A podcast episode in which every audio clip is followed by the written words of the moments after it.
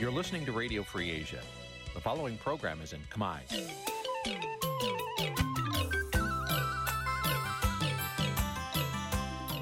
នេះជាកម្មវិធីផ្សាយ Vuthu Azizi Serai នេះជាកម្មវិធីផ្សាយរបស់ Vuthu Azizi Serai ជាភាសាខ្មែរ Vuthu Azizi Serai សូមស្វាគមន៍លោកអ្នកនាងទាំងអស់ពីរដ្ឋធានី Washington នៃសហរដ្ឋអាមេរិក បាទពីរដ្ឋធានីវ៉ាស៊ីនតោនខ្ញុំបាទសេកបណ្ឌិតសូមជម្រាបសួរអស់លោកនាងកញ្ញាទាំងអស់ជាទីមេត្រី បាទយើងខ្ញុំសូមជូនកម្មវិធីផ្សាយសម្រាប់យប់ថ្ងៃអាទិត្យ10កើតខែបុស្សឆ្នាំខាលចត្វាស័កពុទ្ធសករាជ2566ត្រូវនៅថ្ងៃទី1ខែមករាគ្រិស្តសករាជ2023បាទក្នុងឱកាសនេះដែរក្នុងឱកាសឆ្នាំសកលឆ្នាំថ្មី2023នេះក្រមការងារនៃវិទ្យុអសីសេរីទាំងអស់សូមគោរពជូនពរឆ្នាំថ្មី ឆ្នាំ2023នេះដល់ប្រិយមិត្តទាំងអស់ដែលបានតែងតែចូលរួមគាំទ្រនិងលើកទឹកចិត្តវិទ្យុអសីសេរីទាំងអស់មកតាំងពីដើមរហូតមកទល់នឹងពេលនេះបាទយើងខ្ញុំសូមជូនពរដល់អស់លោកលានព្រមទាំងក្រុមគូសាទាំងអស់ឲ្យជួបតែនឹងសុខភាពល្អប្រកបតែនឹងសេចក្តីសុខចម្រើនរុងរឿងកំបីគ្លៀងគ្លេឡើយចាប់ពីឆ្នាំថ្មីនេះរហូតឆ្នាំទៅមុខទៅមុខទៀតបាទជាដំបូងនេះសូមអញ្ជើញអស់លោកលានស្ដាប់ព័ត៌មានប្រចាំថ្ងៃដែលមានមេត្តាដូចតទៅ thank you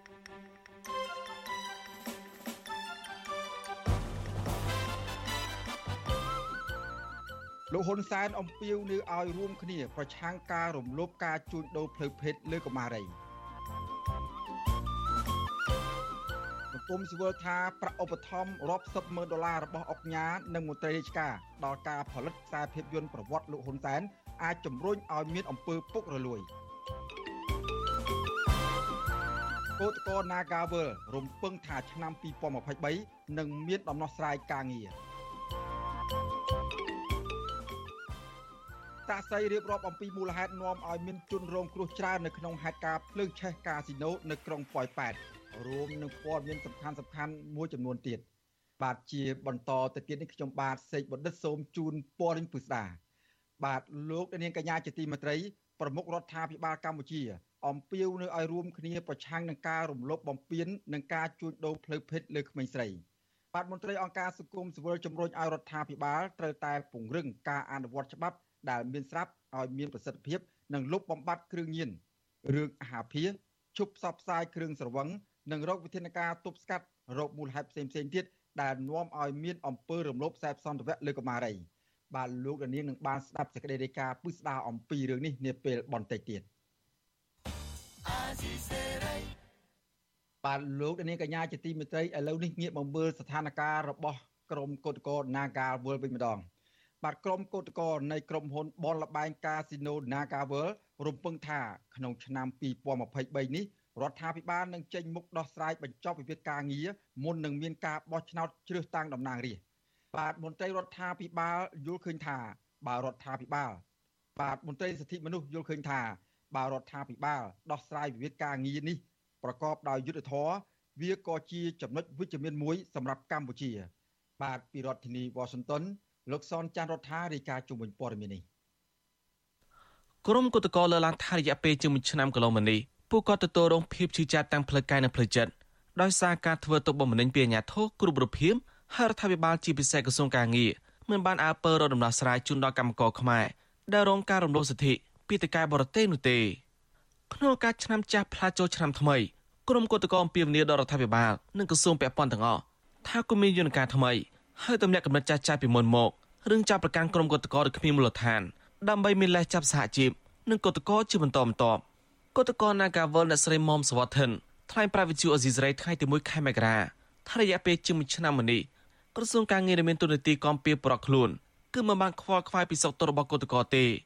ដែលចំណុចនេះលោកស្រីប្រៀបធៀបដូចជាពុកម្ដាយដែលមិនអើពើនឹងកូនកូនក្នុងផ្ទះដែលគ្មានអាហារបរិភោគអត់បា យហូបយ៉ាងម៉េចក៏ដោយក៏ពុកម្ដាយហ្នឹងធ្វើអត់ដឹងអត់លឺកោតកម្មហ្នឹងមើលទៅដូចជាមិនពិបាកដោះទេប៉ុន្តែខាងក្រសួងពាក់ព័ន្ធមិនចង់ដោះស្រាយឲ្យបូករួមទាំងខាងភាគីក្រុមហ៊ុនចង់ឈ្នះសហជីពដែលពួកយើងកំពុងតវ៉ានឹងទៅទៀតពីរឿងក្តីសង្ឃឹមបងមានដោយសារ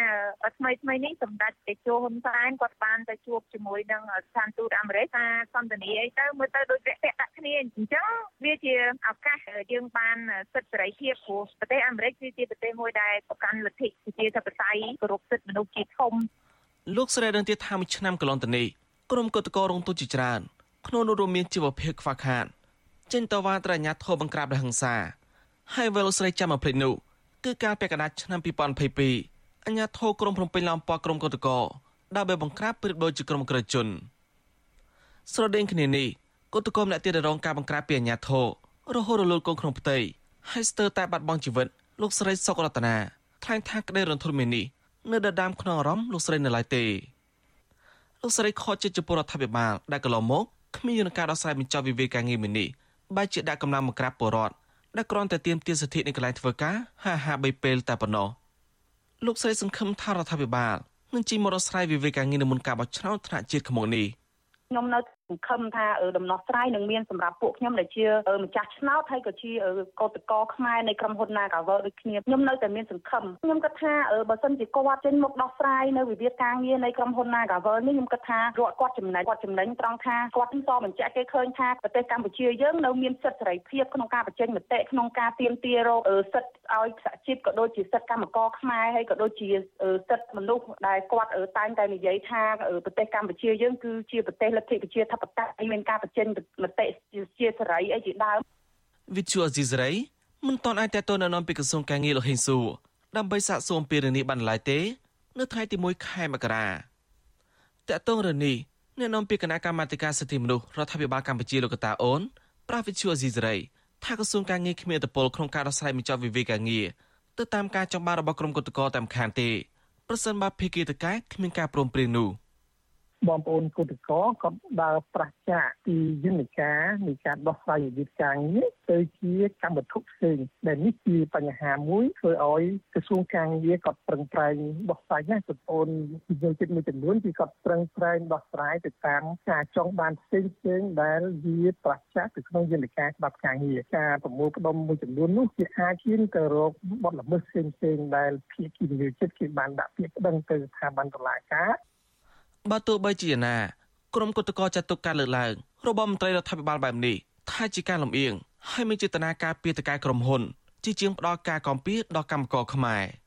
ការចូលតុចរចារវាងតំណាងតកែនិងតំណាងសហជីពចរាសាមនីក្រុមគឧតកោថាក្រសួងការងារដែលមានទុននីតិជាអាជ្ញាកណ្ដាលគឺមិនបានលើកឡើងពីបញ្ហាដែលគឧតកោទាមទារយកមកដោះស្រាយតាមមូលដ្ឋានច្បាប់នោះទេប៉ុន្តែបែរជាជំរុញគឧតកោទទួលយកលុយសំណងតាមការចំបារបស់ក្រុមហ៊ុន ដើម្បីបញ្ចប់ការធ្វើកតកម្មតែប៉ុណ្ណោះក្រៅពីនេះក្រុមហ៊ុនបលបៃមួយនេះហាក់មានអត្តពលខ្លាំងដោយសារកតកោជីងតវ៉ានៅពេលកន្លងមកត្រូវបានអាជ្ញាធរបង្ក្រាបដោយហិង្សាដើម្បីបង្ខំម្លងឡានដាក់ទៅទម្លាក់ចោលនៅទីក្រុងភ្នំពេញពិសេសចុងក្រោយនេះក្រុមហ៊ុនមកប្រឹងកតកោហើយតឡាការបន្តក៏ហៅកតកោជាបន្តបន្ទាប់ស្របពេលប្រធានសហជីពកញ្ញាឈឹមស៊ីធត្រូវបានតឡាការចាប់ដាក់គុកជាលើកទី2ដល់អយុធធរ នាយកទទួលបន្ទុកកិច្ចការទូតនៅអង្គការលីកាដូលោកអំសំអានមានប្រសាសន៍ថាក្រុមកតកជីនទាមទារសិទ្ធិការងារនៅពេលកន្លងមករងការបៀតបៀននិងរងអំពើហិង្សាពីអាជ្ញាធរជាបន្តបន្ទាប់ស្របពេលរដ្ឋាភិបាលនិងក្រសួងការងារនៅតែគ្មានចន្ទៈក្នុងការដោះស្រាយវិវាទការងារនេះនៅទេលោកទទួលដល់ក្រសួងពាក់ព័ន្ធគូពលឹងការដោះស្រាយបញ្ចប់វិវាទការងារនេះដើម្បីបញ្ជាការរិះគន់នានាឲ្យស្ដារមកមកកម្ពុជាឡើងវិញ។ បើករណីនេះនៅតែបន្តវាអាចជាអតិពលឬអត់ល្អទេសម្រាប់ការបោះឆ្នោតឆ្នាំ2023ខាងមុខនេះខ្ញុំគិតថារាជរដ្ឋាភិបាលក៏ដូចជាអាជ្ញាធរពាក់ព័ន្ធទាំងក្រុមហ៊ុនក៏ដូចជាក្រុមគុតកោគួរតែស្វែងរកដំណោះស្រាយមួយដោយតម្លាភាពនិងយុត្តិធម៌ដែលអាចទទួលយកបានទាំងអស់គ្នាចូលឆ្នាំសកលថ្មីនេះឆ្នាំ2023នេះវាជារឿងល្អបំផុតដោយយោងតាមច្បាប់អន្តរជាតិច្បាប់ជាតិយើងច្បាប់ការងារនិងអនុសញ្ញា ILO ជាដើមរដ្ឋាភិបាលលហ៊ុនសែនរងការរិះគន់ជាបន្តបន្ទាប់ថាគ្មានសមត្ថភាពក្នុងការដោះស្រាយបញ្ចប់វិវាទការងារនៃក្រុមហ៊ុន Casino Nagavel ហើយប្រើប្រាស់ប្រព័ន្ធតុលាការជាឧបករណ៍ដើម្បីបង្ក្រាបសម្លេងសហជីពឯករាជ្យព្រមទាំងចាប់ការតំណាងគឧតកោដែលទាមទារសិទ្ធិការងារជាបន្តបន្ទាប់ប្រទេសប្រជាធិបតេយ្យធំធំមួយចំនួនដូចជាសហរដ្ឋអាមេរិកអូស្ត្រាលីក្រុមសហជីពអន្តរជាតិរួមទាំងទីភ្នាក់ងារអង្គការសហប្រជាជាតិផងបានស្នើរដ្ឋាភិបាលកម្ពុជា ឲ្យដល់លែងកញ្ញាឈឹមស៊ីធមានសេរីភីឡើងវិញដោយគ្មានលក្ខខណ្ឌហើយទម្លាក់ចោលបទចាប់ប្រកាន់លើតំណាងគឧតកោទាំងអស់ហើយត្រូវងាកមកដោះស្រាយវិវាទការងារនេះប្រកបដោយភាពយុត្តិធម៌ដោយផ្អែកលើមូលដ្ឋានច្បាប់ជាតិអន្តរជាតិខ្ញុំសនចាររថាវិទ្យុអេស៊ីសេរីរាយការណ៍ពីរដ្ឋធានីវ៉ាស៊ីនតោន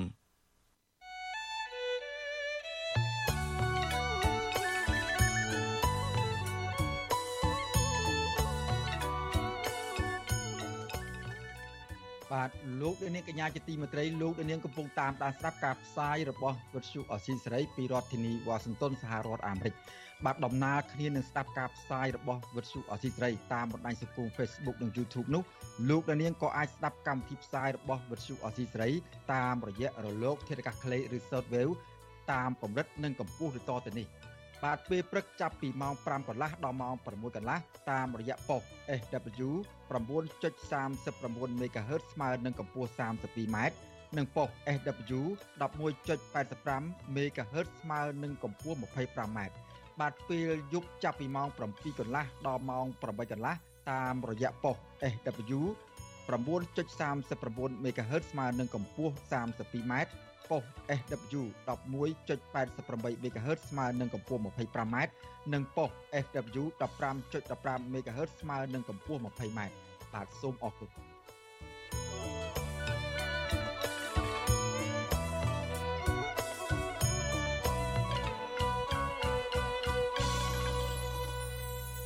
បាទលោកនាងកញ្ញាជាទីមេត្រីពាក់ព័ន្ធនឹងការរំលោភលើសិទ្ធិកុមារនិងការសេពសន្តិវៈលើកុមារនៅវិញ បាទប្រមុខរដ្ឋាភិបាលកម្ពុជាអំពាវនៅឲ្យរួមគ្នាប្រឆាំងនឹងការរំលោភបំពាននិងការជួញដូរផ្លូវភេទលើក្មេងស្រីបាទមន្ត្រីសង្គមស៊ីវិលជំរុញឲ្យរដ្ឋាភិបាលត្រូវតែពង្រឹងការអនុវត្តច្បាប់ដែលមានស្រាប់ឲ្យមានប្រសិទ្ធភាពនិងលុបបំបាត់គ្រឿងញៀនរឿងអាហារភាឈប់ផ្សព្វផ្សាយគ្រឿងស្រវឹងនិងរកវិធានការទប់ស្កាត់ដើមហេតុផ្សេងផ្សេងដែលនាំឲ្យមានអំពើរំលោភខ្សែសន្តិវៈលើក ដែលមានអំពើរំលោភខ្សែសន្តិវៈលើកុមារី បាទលោកថាថៃរាយការណ៍ជុំវិញព័ត៌មាននេះការអំពាវនាវរបស់លោកនាយករដ្ឋមន្ត្រីហ៊ុនសែនឲ្យរួមគ្នាប្រយុទ្ធប្រឆាំងអំពើរំលោភបំពាននិងការជួញដូរផ្លូវភេទលើស្ត្រីនិងកុមារនេះធ្វើឡើងក្នុងឱកាសដែលលោកចោះសួរសុខទុក្ខកុមារីរងគ្រោះនិងសម្ពោធអាគារមួយខ្នងដែលជាជំនួយរបស់លោកនៅមជ្ឈមណ្ឌលអាហ្វេស៊ីបនៅរាជធានីភ្នំពេញនាព្រឹកថ្ងៃទី1ខែមករាក្រៅពីការអំពាវនាវ លោកហ៊ុនសែនមិនបានលើកឡើងអំពីឫសគល់ដែលនាំឲ្យកើតមានករណីរំលោភបំពានផ្លូវភេទលើកុមារីព្រមទាំងមិនបានបង្ហាញអំពីយន្តការទប់ស្កាត់និងដោះស្រាយបញ្ហាទាំងនេះឡើយក៏ប៉ុន្តែលោកនៅតែបន្តឃោសនាសារសន្តិភាពក្រោមការដឹកនាំរបស់លោកនិងរំពឹងថាចំនួនជនរងគ្រោះនឹងអាចត្រូវបានកាត់បន្ថយ មិនមែនបានស្ដីថាធ្វើកន្លែងនេះដើម្បីត្រៀមទទួលជំនួសមនុស្សបន្ថែមនោះទេតែសង្ឃឹមថារឿងនេះនឹងបានលឺទៅដល់គ្រប់មនុស្សជាពិសេសបរោះបរោះដែលខលខូចទាំងឡាយមិនត្រូវធ្វើសកម្មភាពអ្វីដែលវាផ្ទុយជាមួយនឹងសិលធម៌របស់មនុស្សសង្ឃឹមថាទីកន្លែងនេះបន្ទាប់ពីចៅចៅធំទៅមានប្តីមានគ្រួសារចាស់ចេញទៅនឹងមិនមានមនុស្ស ថែមថ្មីរហូតទៅដល់កន្លែងនេះคล้ายទៅជាចំណុចប្រវោផ្ដុំមនុស្សដែលរងគ្រោះកុមារដែលរងគ្រោះកុមារីដែលរងគ្រោះនោះទេជាមួយគ្នានេះលោកហ៊ុនសែនយល់ព្រមតាមសំណើរបស់នាយិកាមជ្ឈមណ្ឌលអាហ្វេស៊ីបអ្នកស្រីមុំសុម៉ាលីដែលមិនចង់ឲ្យបញ្ជូនកុមាររងគ្រោះអាយុក្រោម5ឆ្នាំចូលជំនុំជម្រះក្តីក្នុងតុលាការព្រោះធ្វើឲ្យពួកគេផិតភ័យនិងបាក់ស្បាតនៅពេលឃើញជនល្មើសលោកយល់ថាពេលសវនាការគឺមានតែមេធាវីការពីក្តីឲ្យកុមាររងគ្រោះអាចគ្រប់គ្រាន់ទៅហើយ មជ្ឈមណ្ឌលបណ្ដុះបណ្ដាលវិជ្ជាជីវៈនិងស្ដារនីតិសម្បទាយុវនារីហៅកាត់ជាភាសាបារាំងថា AFESIP បង្កើតតាំងពីឆ្នាំ1996ស្ថិតនៅសង្កាត់ព្រៃសរខណ្ឌដង្កោរាជធានីភ្នំពេញមជ្ឈមណ្ឌលនេះគឺជាកន្លែងជួយសង្គ្រោះជួយព្យាបាលផ្លូវចិត្តនិងផ្ដល់ជំនាញវិជ្ជាជីវៈផ្សេងៗដល់កុមារីនិងយុវនារីដែលរងគ្រោះដោយអំពើហិង្សាការជួញដូរនិងការរំលោភសេពសន្តិវៈបច្ចុប្បន្នមជ្ឈមណ្ឌលនេះមានបុគ្គលិកជិត40នាក់ និងមានកុមារីយុវនារីរងគ្រោះកំពុងស្នាក់នៅនិងទទួលបានការបណ្ដុះបណ្ដាលចំនួន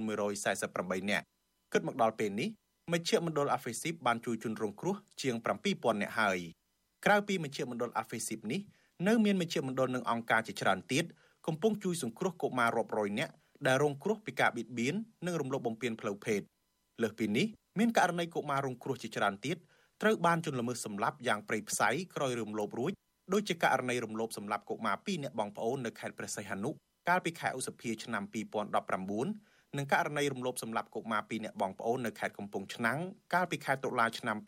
2018អង្គភាពការពារកុមារឬហៅកាត់ថា CPU រាយការណ៍ថារយៈពេល9ឆ្នាំគិតចាប់ពីឆ្នាំ2013មករកឃើញអំពើឃាតកម្មលើកុមារនៅក្នុងប្រទេសកម្ពុជាចំនួន200ករណីក្នុងនោះភាគច្រើនពាក់ព័ន្ធនឹងករណីរំលោភសម្លាប់ដែរករណីក្មេងៗរងគ្រោះទាំងនេះ អាចជាសមិទ្ធផលដែលកើតចេញពីការដឹកនាំរបស់លោកហ៊ុនសែនដែលលើកកម្ពស់ការផ្សព្វផ្សាយនិងការប្រើប្រាស់គ្រឿងស្រវឹងបូករួមទាំងការកើនឡើងនៃការប្រើប្រាស់គ្រឿងញៀនអំពើពុករលួយដល់ស្នូលរបស់អ្នកអនុវត្តច្បាប់កង្វះការអប់រំនិងការធ្លាក់ចុះសិលធម៌សង្គមជាដើមទន្ទឹមគ្នានេះកត្តាជីវភាពក្រីក្រនិងបំណុលដែលធ្វើឲ្យឪពុកម្ដាយបង្ខំចិត្តផ្ញើកូនទុកឲ្យយាយតាមើលថែ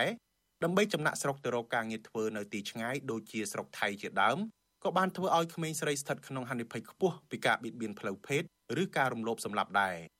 នាយកទទួលបន្ទុកកិច្ចការទូតទៅនៃអង្គការលីកាដូលោកអំសំអាតមានប្រសាសន៍ថាមូលហេតុដែលបណ្ដាលឲ្យមានបទល្មើសចាប់រំលោភលើកុមារីនេះដោយសារការអនុវត្តច្បាប់ធូររលុងទម្លាប់បញ្ចប់សំណុំរឿងក្រៅប្រព័ន្ធតុលាការដោយសារអំពើពុករលួយ និងទម្លាប់បណ្ដោយឲ្យជនល្មើសរួចខ្លួនលើសពីនេះបញ្ហាគ្រឿងញៀនគ្រឿងស្រវឹងនិងវីដេអូអាហារភាសក៏កំពុងរីករាលដាលគ្រប់ច្រកល្ហកដែរ គណៈយន្តការទប់ស្កាត់និងការផ្សព្វផ្សាយអប់រំនៅមានកម្រិតទាបនៅឡើយលោកអំសំអាតយល់ថាដើម្បីឲ្យការអំពាវនាវរបស់លោកនាយករដ្ឋមន្ត្រីមានប្រសិទ្ធភាពលុះត្រាតែមានការអនុវត្តច្បាប់ឲ្យបានតឹងរឹងចំពោះជនល្មើសទោះអ្នកនោះមានឋានៈទូនាទីបនស័កអ្វីក៏ដោយ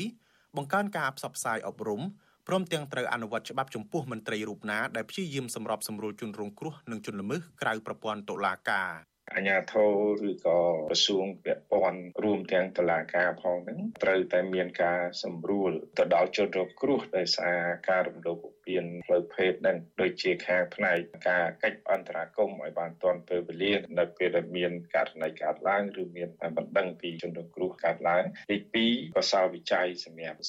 ជនរងគ្រោះគួរតែសម្រួល ឲ្យដោយឥតគិតថ្លៃហើយតុលាការត្រូវលឿនតិធីក្នុងការស្រាវជ្រាវនិងការស៊ើបអង្កេតទៅលើករណីរំលោភបំពានផ្លូវភេទហ្នឹងហើយត្រូវមានការដាក់ទោសទណ្ឌឲ្យបានធ្ងន់ធ្ងរចំពោះជនដែលប្រព្រឹត្តបទល្មើសជាពិសេសទៅលើកុមាររបាយការណ៍របស់អង្គការលីកាដូបានឲ្យដឹងថាមានករណីរំលោភសេពសន្តិវៈឬប៉ុនប៉ងរំលោភសេពសន្តិវៈទាំងអស់ដែលអង្គការលីកាដូបានធ្វើអន្តរាគមន៍ចាប់ពីខែមករាឆ្នាំ2017ដល់ខែធ្នូឆ្នាំ2019 មានចំនួន137ករណីហើយជិត1ភាគ3នៃករណីទាំងនេះជាប់ពាក់ព័ន្ធនឹងជនសង្ស័យជាសាច់ញាតិរបស់ជនរងគ្រោះអង្គការលីកាដូពិនិត្យឃើញថាករណីទាំងនេះមានតែជាងពាក់កណ្ដាលប៉ុណ្ណោះបានឈានដល់ការជំនុំជម្រះក្តីដោយជនល្មើសត្រូវបានផ្ដន់ទាទោសដាក់ពន្ធនាគារករណីដែលអង្គការលីកាដូបានធ្វើអន្តរាគមន៍នេះមិនឆ្លុះបញ្ចាំងពីការរីកសាយកាន់តែទូលំទូលាយនៃករណីរំលោភសេពសន្តិវៈនិងអំពើរំលោភបំពានផ្លូវភេទនៅក្នុងប្រទេសកម្ពុជាទាំងមូលទេ អង្គការលីកាដូថាមានករណីជាច្រើនទៀតមិនត្រូវបានរាយការណ៍នោះទេដោយសារតែភាពភ័យខ្លាចនៃការរើសអើងនៅក្នុងសង្គមទំនៀមទម្លាប់បុរាណនិងកង្វះភាពស្មោះត្រង់នៅក្នុងប្រព័ន្ធយុតិធធខ្ញុំថាថៃពីទីក្រុងមែលប៊នបាទលោកអ្នកនាងកញ្ញាជាទីមេត្រីឥឡូវនេះយើងងាកមកមើលរឿងការផលិតខ្សែភាពយន្តនិយាយអំពីប្រវត្តិលោកនាយករដ្ឋមន្ត្រីហ៊ុនសែនវិញបាទមន្ត្រីអង្គការសង្គមស៊ីវិលយល់ឃើញថា ការឧបត្ថម្ភសាច់ប្រាក់រាប់សិបម៉ឺនដុល្លាររបស់ក្រុមអង្គការទៅលើការផលិតខ្សែភាពយន្តអំពីជីវប្រវត្តិរបស់លោកនាយករដ្ឋមន្ត្រីហ៊ុនសែនមិនមែនធ្វើឡើងដោយចេញពីចិត្តនោះទេតែគឺជាការបរិច្ចាគដើម្បីទទួលបានការការពារឬក៏អត្ថប្រយោជន៍បន្ថែមលើអាជីវកម្មរបស់ពួកគេបាទប្រតិកម្មនេះធ្វើឡើងក្រោយពីអង្គការនិងមន្ត្រីជាន់ខ្ពស់រដ្ឋាភិបាលជាច្រើនអ្នកបានឧបត្ថម្ភសាច់ប្រាក់សរុបជាច្រើនលានដុល្លារ ជួយដល់លោកហ៊ុនសែនដែលអ្នកអង្កេតការយល់ឃើញថា ជាកត្តាជំរុញឲ្យមានអំពើពុករលួយកាន់តែច្រើនឡើង បាទពីរដ្ឋធានី Washington លោកមានរិទ្ធរាយការណ៍ជុំវិញព័ត៌មាននេះក្រមមន្ត្រីអង្គការសង្គមស៊ីវិលលើកឡើងថាការឧបត្ថម្ភសាច់ប្រាក់ដើម្បីផលិតខ្សែភាពយន្តភាគអំពីខ្សែជីវិតរបស់លោកហ៊ុនសែនធ្វើឡើងដោយការបង្ខំចិត្តដើម្បីអត្ថប្រយោជន៍បុគ្គលប្រធានសមាគមសម្ព័ន្ធនិស្សិតបញ្ញវន្តខ្មែរលោកកើតសរាយ យល់ឃើញថាការបរិច្ចាគសាច់ប្រាក់ដើម្បីផលិតខ្សែភាពយន្តអំពីប្រវត្តិនៃការតស៊ូរបស់លោកនាយរដ្ឋមន្ត្រីបែបនេះធ្វើឡើងដើម្បីទទួលបានភាពជិតស្និទ្ធជាមួយនឹងលោកហ៊ុនសែននិងអត្ថប្រយោជន៍អាជីវកម្មផ្ទាល់ខ្លួន ជាជាងធ្វើឡើងដោយចេញពីចិត្តស្មោះលោកបានថែមថាលោកហ៊ុនសែនគឺជាបុគ្គលមានអំណាចគ្រប់យ៉ាង នៅក្នុងការអាកាត់លើការផ្ដាល់ដីសម្បត្តិលុបបឹងបួរឬលុបទន្លេដូច្នេះហើយទើបក្រុមអង្គការទាំងនោះ បង្ខំចិត្តបរិច្ចាគប្រាក់ផលិតភាពយន្តជីវប្រវត្តិរបស់លោកនាយករដ្ឋមន្ត្រីអាហ្នឹងគឺវាជាលក្ខណៈអញជួយឯងឯងជួយអញនឹងឯងយើងតែងតែមើលឃើញថាក្រុមហ៊ុនឬអង្គការទាំងអស់ហ្នឹងតែងតែមានសិទ្ធិធំបានដីវិនិយោគហើយថ្មីថ្មីនេះទៀតយើងឃើញហើយតាក់ទងនឹងឧស្សាហជាតិគិរីរំហ្នឹងក៏រដ្ឋាភិបាលសាមប្រទានធ្វើឲ្យក្រុមហ៊ុនឯកជននៅក្នុងការវិនិយោគទៀតនេះយើងមើលឃើញថាវាហាក់ដូចជាទម្លាប់មួយដែលអង្គការអ្នកវិនិយោគទាំងអស់នឹងកាលណាដែលជួយទៅកាន់ភាគីរដ្ឋាភិបាលច្រើន រដ្ឋាភិបាលក៏នឹងសាមប្រទាននៅចំណុចមួយចំនួនហើយផ្ដល់ភាពងាយស្រួលនៅក្នុងការសហការទៀតអានឹងជាចំណុចមួយដែលយើងមើលឃើញថាវាអត់មានតលយៈភាពឬក៏សមភាពនៃការធ្វើជំនួញ បញ្ជីសប្បុរសជនឧបត្ថម្ភប្រាក់ដើម្បីផលិតភាពយន្តភាគរឿងកូនប្រុសក្រោមពន្លឺព្រះច័ន្ទពេញបូរមីកាលពីថ្ងៃទី31ខែធ្នូឆ្នាំ2022ដែលមានចុះហត្ថលេខាអ្នករៀបចំ ដោយមេបញ្ជាការកងអង្គរៈលោកហ៊ុនសាន គឺលោកហ៊ីងប៊ុនហៀងបង្ហាញឈ្មោះបុគ្គលចំនួន23រូបដែលភ ieck ច្រើនសិតសឹងតែជាអង្គញា ពួកគេបានបរិច្ចាគទឹកប្រាក់ចាប់ពី50,000ដុល្លាររហូតដល់60,000ដុល្លារអាមេរិកក្នុងនោះទឹកប្រាក់សរុបមានចំនួនជិត3លានដុល្លារអាមេរិកក្រុមអង្គការទាំងនោះមានដូចជាលោកកិនម៉េងផ្ដល់ប្រាក់60,000ដុល្លារលោកលីយ៉ុងផាត់50,000ដុល្លារនិងលោកលេនវត្រាឧបត្ថម្ភ50,000ដុល្លារក្រៅពីនោះក៏មានក្រុមហ៊ុនជីបម៉ុងឧបត្ថម្ភជាស្រាបៀរ5000កេសស្មើនឹងប្រាក់30,000ដុល្លាររួមនឹងអង្គការមួយចំនួនទៀត ឆ្លើយតបនឹងការលើកឡើងនេះមេបញ្ជាការនៃបញ្ជាការដ្ឋានកងអង្គរៈលោកហ៊ុនសានគឺលោកហ៊ីងប៊ុនហៀងប្រាវិសុយស៊ីស្រីថាការផលិតខ្សែភាពយន្តភាគនេះឆ្លុះបញ្ចាំងពីការពិតអំពីប្រវត្តិតស៊ូរបស់លោកហ៊ុនសាន ដើម្បីជួយសង្គ្រោះប្រទេសកម្ពុជាពីរបបបល្ល័ង្កពូជសាសន៍ទោះជាយ៉ាងណាលោកហ៊ីងប៊ុនហៀង បដិសេធមិនឆ្លើយតបទៅនឹងការឧបត្ថម្ភសាច់ប្រាក់ដើម្បីផលិតភាពយន្តវីដេអូនេះឡើយដោយលោកជំរុញឲ្យ Visual C ស្រីសាកសួរអ្នកគ្រប់គ្រងកម្មវិធីទូរទស្សន៍បាយ័នវិញរឿងប្រវត្តិតស៊ូប្រវត្តិពិតនៅក្នុងរបបបល័យពិសាសប៉ុលពតមកនេះវាវាសំខាន់ណាស់ដែរបងគាត់ថាទីប្រឹក្សាបងគាត់ថាជួយការងារអូនឯងថតទៅបងអត់ដឹងថារឿងអត់ដឹងតែទៅបាយ័នអូន បណ្ដាញឃោសនារបស់លោកហ៊ុនសានបញ្ជាក់ថាការផលិតខ្សែភាពយន្តជីវប្រវត្តិរបស់លោកហ៊ុនសាននេះចំណាយថវិកាអស់ច្រើនជាងគេ នៅក្នុងប្រវត្តិសាស្ត្រភាពយន្តរបស់កម្ពុជាក្រុមអ្នកវិភាគការអភិវឌ្ឍសង្គមធ្លាប់លើកឡើងថា ការផលិតភាពយន្តរឿងកូនប្រុសក្រោមពន្លឺព្រះច័ន្ទពេញបូរមីគឺមានគោលបំណងដើម្បីលើកកម្ពស់ប្រជាប្រិយភាពរបស់លោកនាយរដ្ឋមន្ត្រីដើម្បីទទួលបានការគ្រប់គ្រងក្នុងការបោះឆ្នោតជាតិឆ្នាំ2023និងមិនបានឆ្លោះបញ្ចាំងពីការពិតនៃប្រវត្តិសាស្ត្រគ្រប់ជ្រុងជ្រោយនោះឡើយវិសុវអសីស្រីមិនអាចតាក់ទងแนะនាំពាក្យរដ្ឋាភិបាល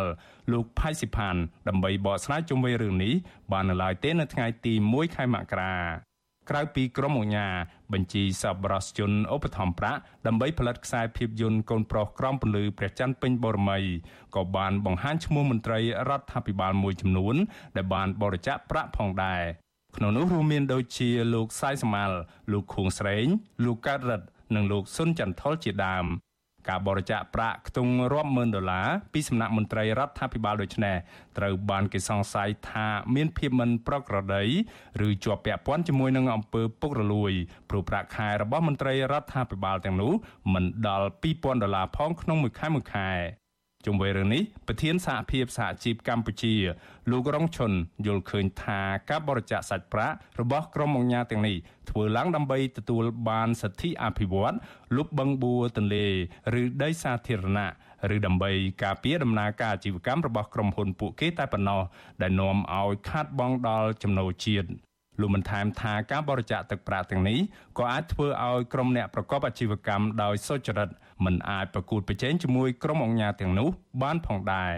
ការដែលប្រកួតរកស៊ីដោយស្មោះត្រង់នៅកម្ពុជាវានឹងពិបាកប្រកួតប្រជែងជាមួយឈ្មោះទុច្ចរិតដល់ពីព្រោះឈ្មោះទុច្ចរិតគេចាយលុយគេសេះសួរជាមួយអ្នកមានអំណាចអ្នកមានមុខមានមាត់ដូចជា ជួយនាយករដ្ឋមន្ត្រីអីហ្នឹងអាហ្នឹងសិតតែទទួលបានមកវិញហើយมันអត់ទេ អ្នកវិភាគដើម្បីការអភិវឌ្ឍសង្គមធ្លាប់លើកឡើងថាដោយសារតែលោកនាយករដ្ឋមន្ត្រីតែងតែទទួលយកការបរិច្ចាគប្រាក់យ៉ាងដូចនេះការនេះធ្វើឲ្យរដ្ឋាភិបាលមិនហ៊ានមានចំណាត់ការផ្លូវច្បាប់លើក្រុមហ៊ុនរកស៊ីមិនស្របច្បាប់នោះឡើយ ករណីក្រុមហ៊ុន Casino NagaWorld គឺជាការឆ្លុះបញ្ចាំងជាក់ស្ដែងព្រោះដោយសារតែថៅកែក្រុមហ៊ុន Casino នេះបានឧបត្ថម្ភប្រាក់ជួយគណៈបកប្រជាជនកម្ពុជានឹងទិញវ៉ាក់សាំង COVID-19 កន្លងមករាប់លានដុល្លារ ជាលទ្ធផលរដ្ឋាភិបាលមិនបានជំរុញឲ្យថៅកែកាស៊ីណូ Naga World គោរពច្បាប់ស្តីពីការងារនិងដោះស្រាយចំនួនការងារជាមួយកម្មករបាននោះទេ តែបែរជាធ្វើទុកបុកម្នេញគ្រប់រូបភាពទៅលើក្រុមបុគ្គលិកកាស៊ីណូ Naga World ទៅវិញមន្ត្រីអង្គការសង្គមស៊ីវិលយល់ឃើញថាការបរិច្ចាគទឹកប្រាក់សន្ធឹកសន្ធាប់ដើម្បីផលិតខ្សែភាពយន្តខណៈប្រជាពលរដ្ឋខ្មែរជាច្រើនអ្នក កំពុងមានជីវភាពក្រីក្ររត់ទៅធ្វើការនៅប្រទេសជិតខាងដោយខុសច្បាប់រាប់លានអ្នកដើម្បីសងបំណុលធនាគារគឺជារឿងមិនសមហេតុផលនោះឡើយមន្ត្រីទាំងនោះលើកឡើងថាដើម្បីបង្ហាញពីសន្តានចិត្តសប្បុរសធម៌ជួយសង្គមពិតប្រាកដក្រុមអង្គការទាំងនោះគួរតែបរិច្ចាគសាច់ប្រាក់ផ្ដល់អាហារូបករណ៍ដល់សិស្សនិស្សិតឧបត្ថម្ភដល់មន្ទីរពេទ្យគុណធបុប្ផាដែលកំពុងខ្វះខាត ឬជួយជនរងគ្រោះទើបជាការប្រសើរ ខ្ញុំបានមេរិត Visual C ស្រីរាយការណ៍ពីរដ្ឋធានី Washington បាទលោកនាងកញ្ញាជាទីមេត្រីតកតោនឹងការផលិតភាពយន្តរបស់លោកនាយករដ្ឋមន្ត្រីជាបន្តបន្ទាប់នេះតែងតែមានការរិះគន់ជាហូរហែអំពីទាំងគុណភាពទាំងការចំណាយនិងខ្លឹមសារមួយចំនួន អំពីដូចជាការមានការរិះ គន់អំពីខ្សែភាពយន្តចម្រៀងស្ដីដែលមានចំណងជើងថាកូនប្រុសក្រមពលឺប្រច័នពេញបរមីហើយឥឡូវនេះទៀតសោតក៏មានការរិះគន់ដែរអំពីការចំណាយទឹកប្រាក់ច្រើនដែលមានការឧបត្ថម្ភពីមន្ត្រីពីក្រមអង្គការផ្សេងផ្សេងតកតងនឹងការផលិតខ្សែភាពយន្តខ្នាតវែងមួយស្ដីអំពីជីវប្រវត្តិលោកហ៊ុនសែនដែលមានចំណងជើងថា កូនប្រុសក្រមពលិប្រច័នពេញបរមីឥឡូវដើម្បី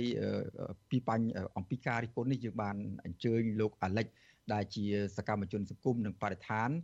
និងជាស្ថាបនិកនៃអង្គការចលនាមេដាធម្មជាតិតើលោកយល់ឃើញយ៉ាងម៉េចដែលលោកនៅស្ថិតនៅពីចម្ងាយពីក្រៅប្រទេសកម្ពុជានោះលោកយល់មើលឃើញយ៉ាងម៉េចចំពោះការចំណាយទឹកប្រាក់ដ៏សន្ធឹកសន្ធាប់ ពីក្រមអង្គការក្រមមន្ត្រីរបស់រដ្ឋាភិបាលហ្នឹងក្នុងការផលិតខ្សែភាពយន្តរបស់លោកនាយករដ្ឋមន្ត្រីហ៊ុនសែននេះបាទខ្ញុំបាទជំរាបសួរអាលិចពីចម្ងាយបាទបាទសូមជម្រាបសួរហើយសូមសួស្តីឆ្នាំថ្មីបាទសួស្តីឆ្នាំថ្មីអាលិចមុននឹងសាកសួរអាលិចពីអឺការផលិតខ្សែភាពយន្តរបស់លោកនាយករដ្ឋមន្ត្រីហ៊ុនសែនដែលមានទឹកប្រាក់រាប់លានដុល្លារដើម្បីជួយក្នុងការផលិតនេះចង់មានការចាប់អារម្មណ៍ពីអាលិចបន្តិច តកតងនឹងឆ្នាំថ្មីចូលមកដល់ជាថ្ងៃទី1ហើយនៅក្នុងឆ្នាំ2023នេះតើអាលិចមានសុខទុក្ខយ៉ាងណាដែរបន្ទាប់ពីចាក់ឆ្ងាយពីប្រទេសកម្ពុជាមួយរយៈធំនេះហើយឃើញរំពឹងថាតើអាលិចនៅក្នុងឆ្នាំ2023នឹងមានឱកាសវិលត្រឡប់ទៅមើលរឿងបរិស្ថានមើលរឿងសង្គមនៅប្រទេសកម្ពុជានឹងបានបន្តទៀតទេឬមួយក៏យ៉ាងម៉េចដែរអាលិចបាទបាទទីមួយសុខភាពផ្លូវកាយផ្លូវចិត្តរបស់ខ្ញុំគឺល្អ អឺគាត់តែមានបញ្ហាតាក់ទងនឹងកញ្ចឹងកខ្លះខ្លះដោយសារឆ្អឹងមួយឈឺដោយសារហាត់កីឡាជ្រុលនៅពេលនៅក្មេងបាទហើយតាក់ទងនឹងកម្លាំងចិត្តហ្នឹងគឺកាន់តែខ្លាំងទៅខ្លាំងទៅទោះជាបានចេញពីកម្ពុជាជិត8ឆ្នាំនៅក្នុងខែ2ឆ្នាំ2023ហ្នឹងគួប8ឆ្នាំដែលសម្ដេចហ៊ុនសែននឹងបានដេញពីកម្ពុជាមិនស្វាគមន៍នៅកម្ពុជា ទោះបីជាដេញយូរហើយក៏ដោយក៏ខ្ញុំនៅតែមានកម្លាំងចិត្តខ្លាំងដោយសារឃើញប្រជាជនកម្ពុជាគឺកាន់តែមានភាពចាស់ទុំផ្នែកនយោបាយកាន់តែយល់អំពីអ្វីដែលជាការពិតជាពិសេសយុវជនគឺកាន់តែមានសេចក្តីក្លាហានដើម្បីចូលរួមដោះស្រាយបញ្ហាដែលមាននៅក្នុងប្រទេសកម្ពុជាអញ្ចឹងខ្ញុំឃើញថាតទៅមុខទៀតគឺគ្មានអីក្រៅតែពីវិវត្តទៅជាវិជ្ជមានវិញទោះបីជា គណៈបព្វប្រជាជនគឺខូខើបណ្ណាក៏ដោយប្រាច់ការបណ្ណាក៏ដោយគាត់បន្លំការបោះឆ្នោតបណ្ណាក៏ដោយក៏នៅតែមានគេថាត្រូវតែមានការផ្លាស់ប្ដូរជាវិជ្ជមានបន្តិចម្ដងបន្តិចម្ដងដើម្បីកសាងសង្គមមួយដែលយើងទាំងអស់គ្នាចង់បានហើយតើតោះនឹងសំណួរថាខ្ញុំត្រឡប់មកកម្ពុជាវិញបានឬអត់ខ្ញុំគិតថាប្រហែលឆ្នាំមុនខ្ញុំនៅមានសង្ឃឹមហើយរំពឹងរំពឹងថាអាចត្រឡប់ទៅកម្ពុជាវិញបាន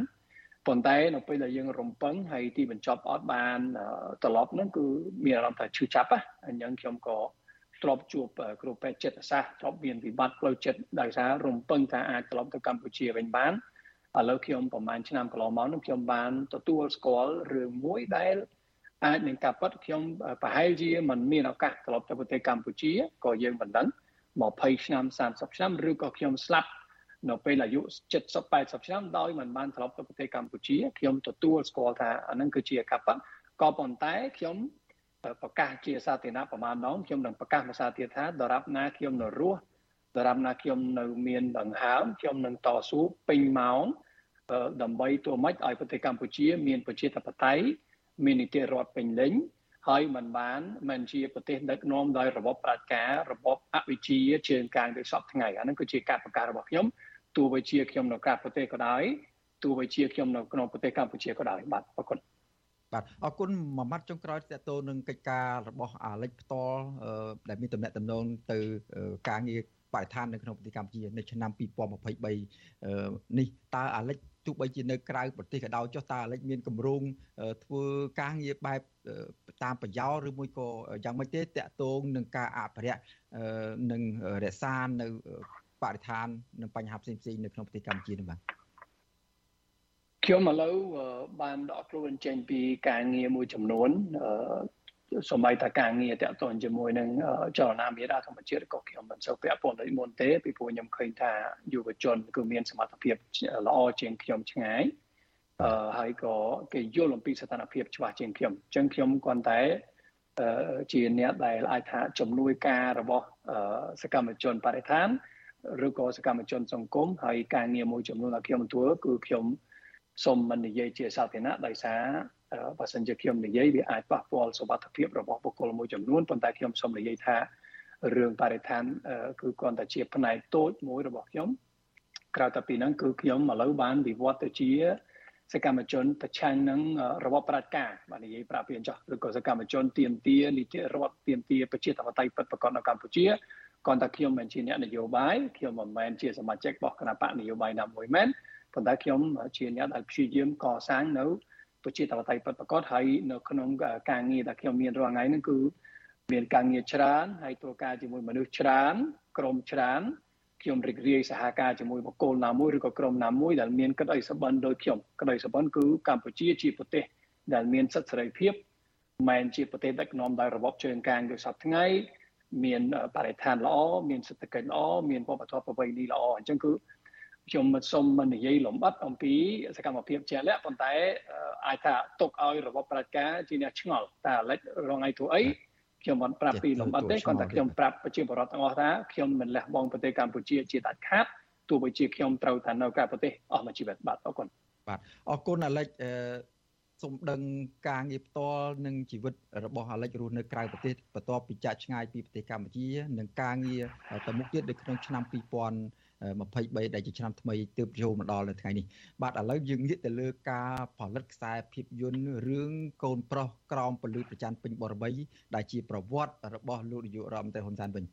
លោកអាលិចដឹងស្រាប់ហើយថាការផលិតខ្សែភាពយន្តរឿងអប់រំខ្លីក៏ដោយវែងក៏ដោយដែលផលិតឡើងដោយក្រុមអង្គការសង្គមស៊ីវិលឬមួយក៏ក្រុមហ៊ុនឯកជនផ្សេងផ្សេងក្នុងគោលដៅអប់រំទៅលើបរិស្ថានអប់រំទៅលើការជួញដូរផ្លូវភេទរឿងអប់រំទៅលើបញ្ហាអ្វីមួយដល់សង្គមយុវជនអីហ្នឹងមិនសូវជាមានការគ្រប់គ្រងផ្ដល់ការឧបត្ថម្ភពី ក្រុមអ្នកមានលុយមានអំណាចអីប្រមាណទេ គឺថាការផលិតនោះពឹងទៅលើសរសេរកម្រោងស្នើសុំទៅដល់អង្គការជាតិនិងអន្តរជាតិនៅខាងក្រៅស្រុកទៅវិញដើម្បីជួយឧបត្ថម្ភក្នុងការផលិតខ្សែភាពយន្តណាមួយដែលមានន័យដែលមានខ្លឹមសារក្នុងគោលដៅអប់រំដល់សង្គមយុវជន ដែលដូចជាបញ្ហាគ្រឿងញៀនបញ្ហាសែបសន្តិវៈអំពើសែបសន្តិវៈជាដើមក៏ប៉ុន្តែដោយឡែកបើសិនយើងក៏លេចទៅមើលការផលិតខ្សែភាពយន្តដែលប្រកបប្រកាសដោយ កាកបាទក្រហមកម្ពុជាឬមួយក៏របស់លោកនាយករដ្ឋមន្ត្រីហ៊ុនសែនផ្ទាល់នោះគឺថាមានការជ្រុំជ្រែងពេញដៃពេញជើងខ្លាំងណាស់ពីអ្នកមានលុយមានអំណាចក្រុមអង្គការក្រុមមន្ត្រីជាន់ខ្ពស់ដែលមានមុខមានមាត់នៅក្នុងសង្គមកម្ពុជាបច្ចុប្បន្នចំពោះបញ្ហានេះអាលិចផ្ទាល់យល់ឃើញយ៉ាងម៉េចដែរបាទទីមួយខ្ញុំបានអានបញ្ជីឈ្មោះបុគ្គលឬក៏ក្រុមហ៊ុនដែលបានឧបត្ថម្ភ តាវិការរាប់លានដុល្លារដល់អឺរឿងដែលមានច្រើនជើងថាកូនប្រុសក្រៅពលឺព្រះច័ន្ទពេញបរមីហ្នឹងដែលគាត់តែច្រើនជើងនោះវាគួរឲ្យអស់សំណើចដែរហើយខ្ញុំតែប៉ិតខ្ញុំទ្របចូល YouTube សាកមើលខ្លះខ្លះប៉ុន្តែខ្ញុំមើលតែប្រហែលនាទីហ្នឹងខ្ញុំដូចសោចហើយសោចទៅលាជាមួយចង់យំអាណិតអសូរដល់ប្រទេសកម្ពុជាដែលថ្នាក់ដឹកនាំគាត់ បញ្ជីឲ្យគេបង្កើតឬក៏គេហៅថាផលិតរឿងមួយដែលអត់មានការពិតទៅសោះអញ្ចឹងខ្ញុំមិនបានខ្ញុំសារភាពថាខ្ញុំមិនបានមើលរឿងនោះឲ្យអត់ទេប៉ុន្តែខ្ញុំមើលតែប្រហែលនាទីខ្ញុំអាចដឹងថាអានឹងគាត់តែជាល្បិចកលដើម្បីបោកប្រាស់ឬក៏ជាការកោសនាមួយរបស់អឺលោកហ៊ុនសែនដើម្បីបោកបញ្ឆាត់ប្រជាជនហើយខ្ញុំមើលបញ្ជីរបស់ក្រុមហ៊ុនមួយចំនួនក៏ដូចជាបកគោហ្នឹងខ្ញុំឃើញថាមានអត្ថប្រយោជន៍សម្រាប់យើងច្រើនណាស់សម្រាប់អ្នកដែល ជាសកម្មជនលើកស្ទួយប្រជាធិបតេយ្យដូចខ្ញុំហ្នឹងឬក៏ជាសកម្មជនប្រឆាំងរបបប្រជាការអឺថាប្រយោជន៍ទី1យើងដឹងថាក្រុមហ៊ុនអ្វីខ្លះដែលប្រហែលជាពាក់ព័ន្ធជាមួយនឹងឧក្រិដ្ឋកម្មមួយចំនួនដូចជាឧក្រិដ្ឋកម្មបំផ្លាញបរិស្ថានឧក្រិដ្ឋកម្មផ្សេងផ្សេងដូចជាកិច្ចពន្ធជាដើមលុបបង្កាប់បំផ្លាញព្រៃឈើឬក៏កតកម្មដូចជាជួញដូរគ្រឿងញៀនបាទហើយយើងឃើញថា ឲ្យតែមានបញ្ហាណាមួយនៅក្នុងសង្គមដូចជាលំអាគារនៅកំពង់សោមប្រហែលឆ្នាំមុនឬក៏ប្រតិកម្មផ្សេងផ្សេងនោះយើងឃើញថាក្រុមហ៊ុនឬបុគ្គលដែលឧបត្ថម្ភនឹងតែតែស្តៀងនឹងបុគ្គលនិងក្រុមហ៊ុនដែលបានឧបត្ថម្ភដល់រឿងខ្សែភាពយន្តរបស់លោកហ៊ុនសែនចឹងទីមួយយើងអាចដឹងថាក្រុមហ៊ុនមួយនេះក្រុមហ៊ុនមួយចំនួននេះឬក៏បុគ្គលគឺអាចនឹងពាក់ព័ន្ធនឹងក្រតកម្មមួយចំនួនអញ្ចឹងយើងមានគេហៅថា តម្រុយមួយសម្រាប់ស៊ើបអង្កេតតទៅមុខទៀតអាហ្នឹងអត្ថប្រយោជន៍ទី1អត្ថប្រយោជន៍ទី2យើងដឹងថាសមាជិកនៃរដ្ឋាភិបាលមន្ត្រីរាជការឬក៏រដ្ឋមន្ត្រីឬក៏អ្នកនយោបាយណាដែលកំពុងអាចនឹងប្រព្រឹត្តអំពើពុករលួយពួកយើងឃើញថាលោកកើតរដ្ឋជារដ្ឋមន្ត្រីក្រសួងយុទ្ធភ័ពមានប្រខែប្រមាណនៅក្នុងមួយខែហ្នឹងខ្ញុំជឿថាមិនដល់2000ដុល្លារហ្នឹងថាដោយមិនគាត់គាត់មានលុយមកពីណាមកឧបត្ថម្ភរហូតដល់30000ដុល្លារ ឬក៏លោកខួនស្រេងគាត់តែជាអភិបាលក្រមអភិបាលរាជធានីភ្នំពេញគាត់មានប្រាក់ខែមិនដល់2000ដុល្លារហ្នឹងគាត់មានលុយមកពីណាមកឧបត្ថម្ភនឹងរាប់ម៉ឺនដុល្លារបើសិនជាបញ្ជីមួយនេះគឺចេញនៅក្នុងប្រទេសណាមួយដែលមាននីតិរដ្ឋពិតប្រាកដណាអង្គភាពប្រឆាំងអំពើពុករលួយរបស់ប្រទេសនោះឬក៏ពេលរាជអាជ្ញាឬក៏តឡាការនោះគេនឹងស៊ើបអង្កេតជាបន្ទាន់ដោយសារគេឆ្ងល់ថាជុំអ្នកនយោបាយ ប្រខែទៀបហ្នឹងមានលទ្ធភាពមកពីណាមកឧបត្ថម្ភទៅលើរឿងអញ្ចឹងរហូតដល់រាប់ម៉ឺនដុល្លារប៉ុន្តែនៅកម្ពុជាយើងឃើញថាគេដូចជាលើកស្ទួយទៅវិញបាទលើកស្ទួយឲ្យអ្នកនយោបាយហ្នឹងគឺរដ្ឋមន្ត្រីឬក៏ថ្នាក់ផ្សេងផ្សេងហ្នឹងគឺចូលរួមឧបត្ថម្ភដោយអត់មានប្រតិកម្មណាមួយសម័យតន្តិចពីអង្គភាពប្រចាំអង្គពុពុកលុយអាហ្នឹងគឺអ ត្ថប្រយោជន៍ទី2យើងអាចដឹងតតាអ្នកណាខ្លះដែលអាចនឹងប្រព្រឹត្តអំពើពុករលួយធំជាងគេនៅក្នុងរបបលោកហ៊ុនសែនហើយអត្ថប្រយោជន៍ទី3យើងសង្ស័យអាចនឹងចាប់ផ្ដើមមានតម្រុយមួយទៀតទាក់ទងនឹងក្រុមហ៊ុនអ្វីខ្លះដោយក្រុមហ៊ុនកាត់មេងក្រុមហ៊ុនជីបម៉ុងក្រុមហ៊ុនប្រមាណក្រុមហ៊ុនដែលយើងឃើញនៅក្នុងបញ្ជីនោះដែលអាចនឹងមានតកូលហ៊ុនជាម្ចាស់ភាគហ៊ុនសម្ងាត់មួយចំនួនដែលគេមិនបានប្រកាសជាសាធារណៈពីព្រោះយើងឃើញថា នៅពេលដែលក្រុមហ៊ុនកាត់មេងក្រុមហ៊ុនជីបម៉ងក្រុមហ៊ុនប្រហែលក្រុមហ៊ុនហ្នឹងយើងឃើញការលូតលាស់របស់គេកន្លងមកហ្នឹងជាការលូតលាស់មួយដែលគួរឲ្យកត់សម្គាល់ណាដែលដែលថាអាចនឹងមិនមែនដោយសារគេពូកែរ៉ូស៊ីទេគឺដោយសារមានភាគហ៊ុនរបស់តកូលហ៊ុននៅពីក្រោយទៅគេលូតលាស់ដល់កម្រិតហ្នឹងអាហ្នឹងគឺជាអត្តប្រយោជន៍ទី3ក្រោយពីយើងបានឃើញបញ្ជីមួយនេះបាទខ្ញុំសូមឆ្លើយប៉ុណ្ណេះសិនអរគុណបាទអាឡិចសូមដោយខ្លីចុងក្រោយមួយទៀតទេតើអ្នកដែល ខំប្រមាលប្រមូលទ្រព្យសម្បត្តិមកចូលរួមបច្ច័យក្នុងការផលិតខ្សែភាពយន្តហ្នឹងក្រៅពីថាដោយអាលិចនិយាយថាមានប្រព្រឹត្តអំពើពុករលួយព្រឹកអីចឹងបង្ហាញហ្នឹងតើពួកគាត់នឹងមានសមានចិត្តពិតប្រកបមែនក្នុងការជួយលើកស្ទួយវិស័យខ្សែភាពយន្តនឹងឲ្យរីកចម្រើនហើយគាត់ពួក គាត់នឹងយល់ថាខ្សែភាពយន្តនឹងគឺជាខ្សែភាពយន្តពិសេសដែលពួកគាត់តែងតែលើកឡើងថាជាមានតម្លៃជាប្រវត្តិសាស្ត្រអីអញ្ចឹងតើវាតម្លៃអញ្ចឹងមែនទេឬមួយក៏ដើម្បីផលប្រយោជន៍ស្អីមួយដើម្បីក្រុមហ៊ុនដើម្បីមុខរបររស៊ីដើម្បីបិទបាំងនៅអំពើណាមួយដែលពួកគាត់កំពុងតែមាននៅក្នុងសង្គមបច្ចុប្បន្ននេះហើយក៏ប៉ុន្តែត្រូវតែមានអ្នកអៅក្រោះការពារអ្នកមានអំណាចការពារទៅពីក្រោយខ្នងដើម្បីលុបបំបាត់នៅអំពើប្រព្រឹត្តអំពើផ្សេងផ្សេងមិនគប្បីនៅក្នុងសង្គមបច្ចុប្បន្ននេះបាទ ខ្ញុំធ្លាប់ធ្វើការនៅក្នុងវិស័យឯកជននៅកម្ពុជាធ្លាប់ធ្វើធ្លាប់ធ្វើការនៅក្នុងក្រុមហ៊ុនធំមួយដែលនៅក្នុងបញ្ជីហ្នឹងខ្ញុំសូមមិននិយាយថាក្រុមហ៊ុនមួយណាទេប៉ុន្តែក្រុមហ៊ុនហ្នឹងគឺខ្ញុំមិនមែនឮគេថាទេខ្ញុំនៅក្នុងក្រុមហ៊ុនហ្នឹងហើយខ្ញុំដឹងតែនៅពេលដែលលោកហ៊ុនសែនឬក៏អឺប្រពន្ធរបស់គាត់នោះគឺលោកជំទាវប៊ុនរ៉ានីហ្នឹងបញ្ជាឲ្យឬក៏ស្នើសុំគេប្រាប់ពីស្នើសុំណាប្រាស្នើសុំឧបត្ថម្ភហ្នឹងគឺបកកែក បដិសេធអត់បានទេគឺត្រូវតែជួយឧទាហរណ៍ថាស្នើសុំឲ្យឧបត្ថម្ភដល់ពេទ្យកន្ទះបុផាឬក៏ដល់ការក្បាលក្រហមឬក៏ដល់រឿងកូនប្រុសក្រោមពលឺពះច័ន្ទអីហ្នឹងគឺបដិសេធអត់បានទេបើបដិសេធគឺមានរឿងអញ្ចឹងទី1គឺដូចជាត្រូវត្រូវតែបងលុយបាទដូចជាការបង្ខិតបង្ខំក៏ប៉ុន្តែក៏មានអត្ថប្រយោជន៍ច្រើនដែរក្រុមហ៊ុនឬក៏បុគ្គលណាមួយដែលដែលផ្ដល់ប្រាក់ឧបត្ថម្ភសែនដុល្លារក៏ដោយ 10000ដុល្លារក៏ដោយដល់លោកហ៊ុនសែនឬក៏ដល់គម្រោងរបស់ហ៊ុនសែនណាគេមានប្រយោជន៍ឧទាហរណ៍ថាទី1ក្រុមហ៊ុនមួយនេះគឺអាចទទួលកុងត្រាពីរដ្ឋដើម្បីធ្វើអ្វីមួយដែលមានដែលគម្រោងហេតារចនាសម្ព័ន្ធឧទាហរណ៍ថាកសាងទំនប់អរិគិសនីឬក៏ទួផ្លូវថ្នល់ឬក៏ទួអាគារជូនឲ្យរដ្ឋហើយកងត្រាហ្នឹងគឺមានតម្លៃរាប់លានណារាប់លានដុល្លារឬក៏ចង្កល់រាប់រយលានដុល្លារអញ្ចឹងអញ្ចឹងគឺអត្ថប្រយោជន៍ទី1គឺបានចំណូលពីកងត្រាធំធំ ដែលមានតម្លៃរាប់រយលានដុល្លារដែលធ្វើឲ្យក្រុមហ៊ុនគឺចំណេញហើយអត្ថប្រយោជន៍ទី2យើងដឹងថាគ្មាននយោបាយកថាណាមួយដែលហ៊ានទៅរករឿងជាមួយក្រុមហ៊ុនហ្នឹងបាទឧទាហរណ៍ថានយោបាយកថាពន្ធដារឬក៏គយរដ្ឋកោឬក៏ ACU នឹងអង្គភាពប្រឆាំងกับពួកពលលួយឬក៏ក្រសួងណាពាក់ព័ន្ធហ្នឹងគេមិនហ៊ានទៅសួរដេញដោលឬក៏មិនសួរមិនហ៊ានស៊ើបអង្កេតទៅលើក្រុមហ៊ុនណាដែលបានឧបត្ថម្ភដល់លោកហ៊ុនសែនពីព្រោះគេដឹងថាក្រុមហ៊ុនមួយនេះ គឺមានទំនាក់ទំនងល្អជាមួយហ៊ុនសែនអញ្ចឹងអត្ថប្រយោជន៍ទី2អាចរស់ស៊ីកខ្វក់ដោយលោកមានរដ្ឋមានប្រសាសន៍នៅក្នុងអត្ថបទរបស់គាត់ណាគេអត់ហ៊ានរករឿងជាមួយដោយសារគេដឹងថាក្រុមហ៊ុនមួយហ្នឹងគឺមានខ្នងហើយបើសិនជាប្រព្រឹត្តបទល្មើសណាមួយអាចរួចខ្លួនបាទដោយលោកទ្រីភិបជាដើមកាប់ឈើប្រហែលឆ្នាំដោយលោកលីយងផាត់ដោយក្រុមហ៊ុនផ្សេងផ្សេងហ្នឹងលោកកិតមេងឬក៏លោកមានលោកផ្សេងផ្សេងហ្នឹងយើងឃើញថាបានប្រព្រឹត្តបទល្មើសច្រើន ហើយមិនដែលមានតឡាការណាមួយហ៊ានរករឿងជាមួយគេអាហ្នឹងគឺជាអត្ថប្រយោជន៍ទី2របស់គេអញ្ចឹងខ្ញុំថាឆ្លើយសំណួរឲ្យខ្លីហ្នឹងគឺទី1របបបង្ខំក៏ប៉ុន្តែទី2ក្រុមហ៊ុនក៏ចង់របៀបក៏ចង់ពាក់ព័ន្ធដែរដែលថាអាចមានប្រយោជន៍ច្រើនទាក់ទងនឹងចំណូលទាក់ទងនឹងលុយបាទ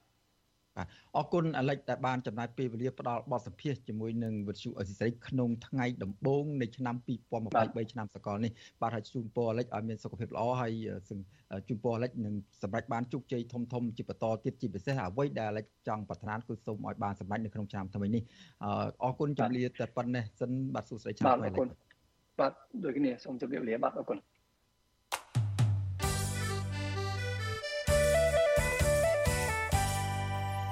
បាទលោកនឹងកញ្ញាជាទីមេត្រីលោកនាងកំពុងតាមដានស្ដាប់ការផ្សាយរបស់វិទ្យុអាស៊ីសេរីពីរដ្ឋធានីវ៉ាស៊ីនតោនសហរដ្ឋអាមេរិកបាទឥឡូវនេះយើងក៏លេចទៅមើលបញ្ហាឆេះអាគារបលបែងកាស៊ីណូនៅតំបន់ព្រំដែនប៉ោយប៉ែតជាប់នឹងព្រំដែនថៃនៅវិញ បាទជនរងគ្រោះក្នុងហេតុការណ៍ឆេះអាគារកាស៊ីណូ Grand Diamond City នៅនៅក្រុងប៉ោយប៉ែតអះអាងថាមូលហេតុដែលមានជនរងគ្រោះស្លាប់និងរងរបួសច្រើនក្នុងហេតុការណ៍ឆេះអាគារកាស៊ីណូនោះប្រហែលដោយសារតែក្រុមហ៊ុន ក្រមសន្តិសុខបានបិទទ្វារមិនឲ្យបុគ្គលិកនិងភ្ញៀវនៅក្នុងអាគារចេញមកក្រៅព្រោះខ្លាចបុគ្គលិកនិងភ្ញៀវទាំងនោះឆ្លៀតលួចប្រាក់នៅលើតុបលលបែងនោះកំពុងតែមាននៅពេលដែលកំពុងតែមានគ្រោះអាសន្នបាទមន្ត្រីសង្គមស៊ីវិលស្នើសុំឲ្យអាជ្ញាធរពាក់ព័ន្ធបង្កើតគណៈកម្មការកណ្ដាលមួយដែលមានក្រុមស៊ើបអង្កេតមកពីភាគីកម្ពុជានិងថៃ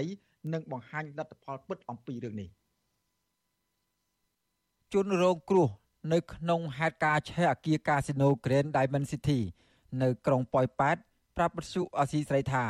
ក្រុមសន្តិសុខប្រមាណជាង10នាក់បានបិទទ្វារច្រកចេញចូលក្នុងកាស៊ីណូ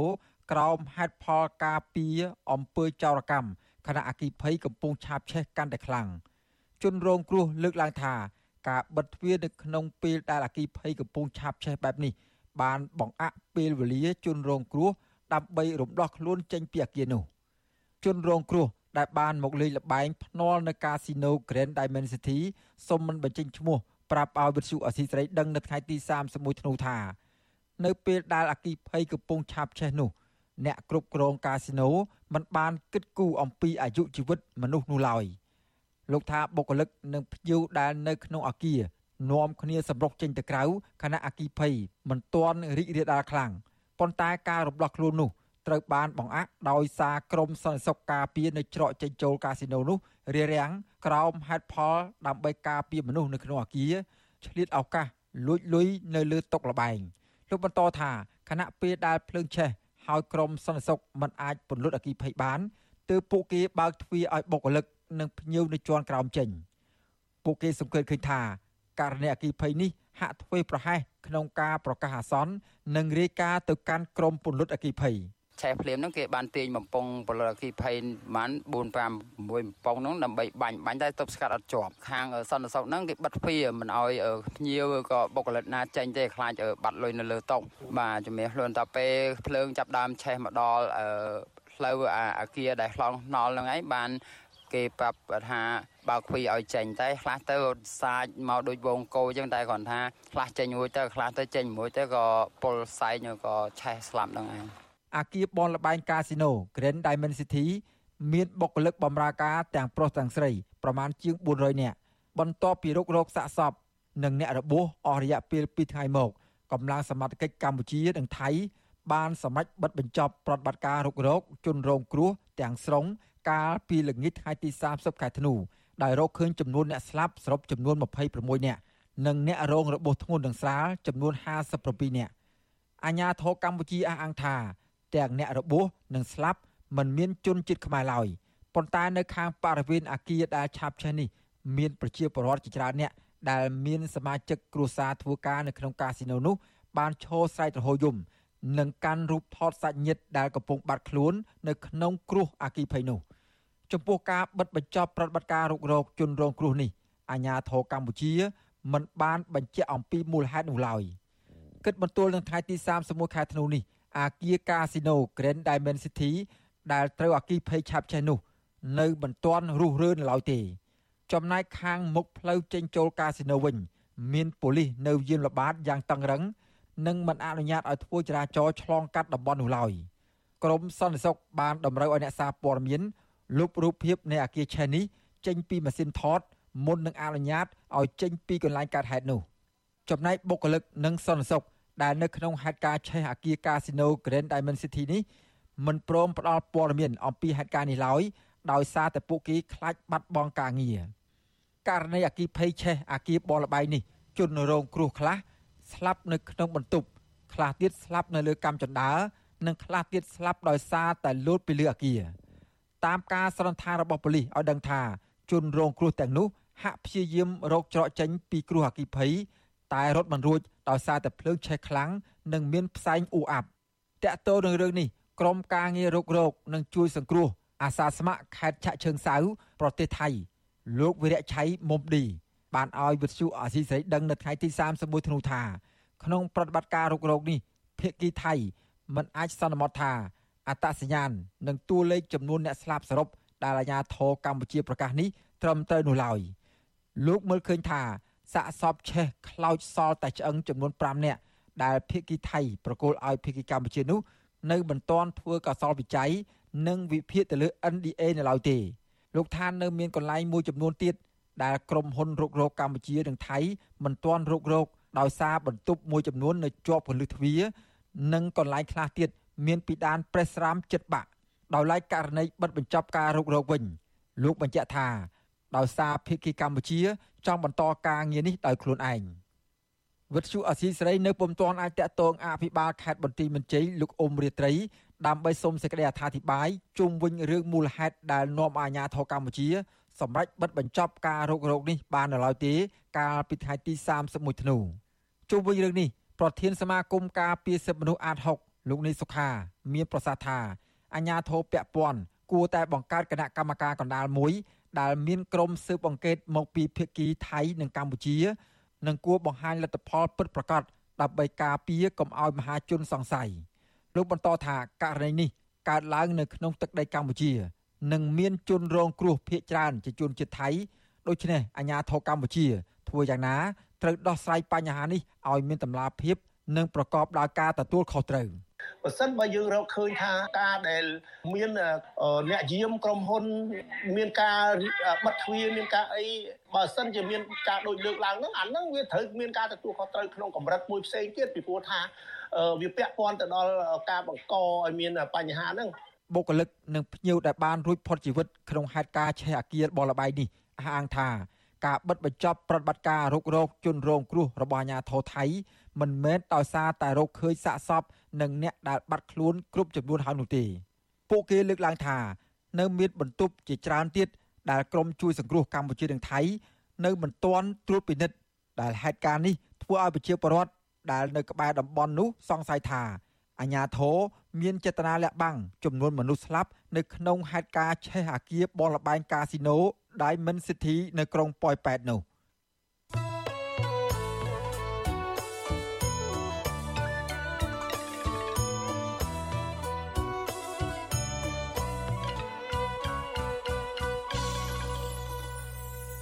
បាទលោកនាងកញ្ញាជាទីមេត្រីឥឡូវនេះយើងទៅមើលបញ្ហានៅឯខេត្តសៀមរាបឯនោះវិញ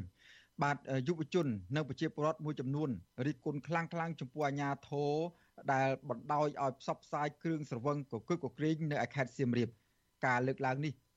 គឺដោយសារតែអាញាធរអនុញ្ញាតឲ្យក្រុមហ៊ុនគ្រឿងស្រវឹងផ្សព្វផ្សាយព្រួងព្រាតទៅតាមដងផ្លូវសួនច្បារនិងទីសាធារណៈនានានៅក្នុងក្រុងសៀមរាបដែលជាតំបន់ទេសចរវប្បធម៌របស់ជាតិ បាទមន្ត្រីអង្គការសង្គមស៊ីវិលនិងប្រជាពលរដ្ឋអំពាវនាវឲ្យអាជ្ញាធរខេត្តសៀមរាបឈប់ផ្សព្វផ្សាយគ្រឿងស្រវឹងដើម្បីសុខភាពប្រជាពលរដ្ឋនិងមុខមាត់របស់ប្រទេសជាតិបាទលោករានីនឹងបានស្ដាប់សេចក្តីរាយការណ៍ពិស្ដារអំពីបញ្ហានេះនៅព្រឹកស្អែកបាទចំណែកនៅឯខេត្តបាត់ដំបងឯនោះវិញប្រជាពលរដ្ឋរស់នៅឃុំព្រែកនរិនឃុំព្រែកខ្ពបឃុំព្រែកលួង និងឃុំព្រែកចាស់និងឃុំកោះជីវាំងខេត្តបាត់ដំបង ព្រួយបារម្ភពីអាញាធរបើកទ្វារបង្ហូរទឹកពីផលធ្វើឲ្យមានផលប៉ះពាល់ដល់ការរស់នៅរបស់ពួកគាត់បាទប្រតិជនលឹមប៊ុនថាតគង់នៅវត្តដំរីសខេត្តបាត់ដំបង មានធរណីកាបានឲ្យវិទ្យុអសីសេរីដឹងនៅថ្ងៃទី1ខែមករានេះថានៅពេលដែលអាជ្ញាធរបង្ហូរទឹកអាចបណ្ដាលឲ្យបាក់ដីលិចលង់ផ្ទះសម្បែងខូចខាតដំណាំ និងបាត់បង់ប្រាក់ចំណូលប៉ះពាល់ដល់សុខភាពកុមារ អាចធ្វើឲ្យកុមារលង់ទឹកប្រសិនបើមានការកើនឡើងទឹកនោះខ្លាំងបាទក្តីបារម្ភនេះធ្វើឡើងក្រោយពីអាជ្ញាធរស្រុកឯកភ្នំ បានជូនដំណឹងពីការបើកទំនប់ទឹកសាលាតាអននៅដងស្ទឹងសង្កែស្រុកឯកភ្នំចាប់ផ្ដើមពីថ្ងៃទី1ខែមករាឆ្នាំ2023នេះដើម្បីរៀបចំស្ថាបនាផ្លូវបេតុងតាមជំរាលដងស្ទឹងសង្កែបាទចំណែកឯប្រជាជនទុនពូលីគង់នៅវត្តបច្ចាមានព្រះធិកាមានព្រះធិកា មានព្រះធរដីកាថាអាញាធរគួរបង្កើនការចុះផ្សព្វផ្សាយជូនដំណឹងដល់ប្រជាពលរដ្ឋឲ្យបានឆាប់រហ័សនិងចុះទៅតាមភូមិឃុំផ្ទាល់ដើម្បីឲ្យប្រជាពលរដ្ឋបានយល់អំពីរឿងនេះនិងបានត្រៀមខ្លួនជាជាងគ្រាន់តែផ្សព្វផ្សាយនៅតែតាមបណ្ដាញសង្គម Facebook បាទ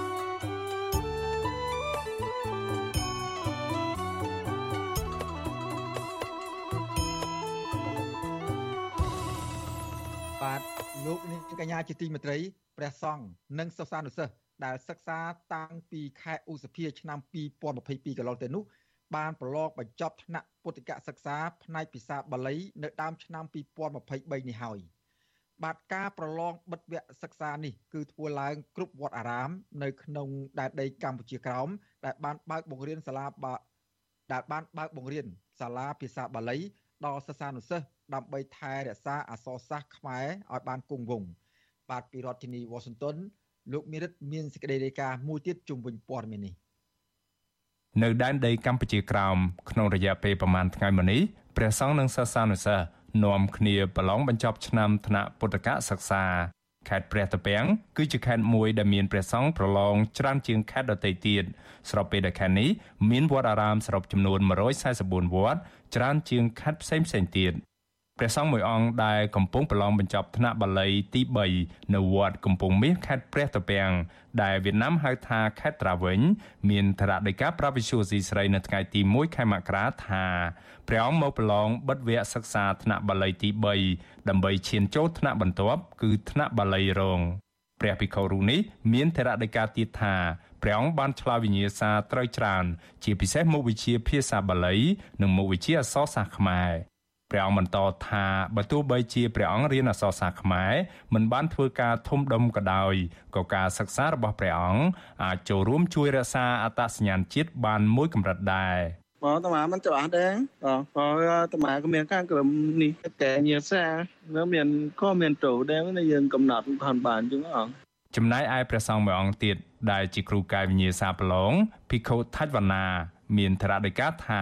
សិស្សានុសិស្សដែលមកប្រឡងក្នុងវត្តកំពង់មាសនេះមានប្រមាណ250អង្គនឹងអ្នកហើយចំនួនព្រះសង្ឃគឺច្រើនជាងប្រជាពលរដ្ឋព្រះអង្គក៏សម្គាល់ថាសិស្សានុសិស្សនៅកម្ពុជាក្រោមយកចិត្តទុកដាក់រៀនទាំងភាសាខ្មែរនិងភាសាវៀតណាម អតមាយល់ឃើញថាវិស័យសិក្សានោះមិនមែនភាពលូតលាស់ពីចម្រើនខ្លាំងណាឃើញនេះក្មេងៗក៏មានការចាប់អារម្មណ៍សិក្សារៀនសូត្រល្អយើងឃើញទៅក្មេងជាពិសេសក្មេងៗស្រីតើបីរៀនសាលាសកលក៏មានការឆ្លៀតឱកាសទំនេរថ្ងៃសៅរ៍អាទិត្យនោះឲ្យចូលរៀនបំពេញតួនាទីរៀនខាងភាសាយើងចឹង រូបភាពនានាដែលត្រូវបានគេបង្ហោះនៅលើបណ្ដាញសង្គមបង្ហាញថាបេក្ខជនប្រឡងមានទឹកមុខរីករាយនិងបានរៀបចំខ្លួនស្អាតបាតនៅពេលចូលបន្ទប់ប្រឡងការប្រឡងបិទវគ្គសិក្សាឆ្នាំ2022សម្រាប់ថ្នាក់ពុទ្ធកបឋមភូមិនៅខេត្តព្រះត្រពាំងមានសិស្សានុសិស្សទាំងព្រះសង្ឃនិងគ្រហស្ថសរុបប្រមាណ1000អង្គនឹងនាក់ ជុំវិញរឿងនេះប្រធានសហព័ន្ធខ្មែរកម្ពុជាក្រោមប្រចាំកម្ពុជា លោកតាំងសារៈមើលឃើញថាវិស័យអប់រំផ្នែកព្រះពុទ្ធសាសនា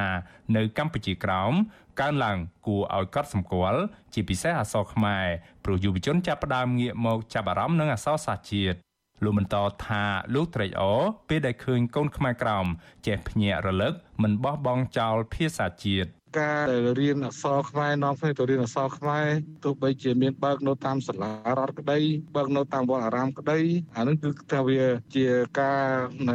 រក្សានៅអក្សរសាស្ត្រជាតិរួមទាំងភាសាជាតិផងគឺថាបើស្នាយើងបានទៅរៀនអក្សរខ្មែរដូចជាប្រសង់ដែលលោកបានរៀនផ្នែកសាលាបាលីក្តីធម្មបាលីក្តីគឺលោកចេះភាសាខ្មែរនឹងច្បាស់គ្រាន់បើជាងអ្នកដែលមិនបានរៀនអក្សរខ្មែរ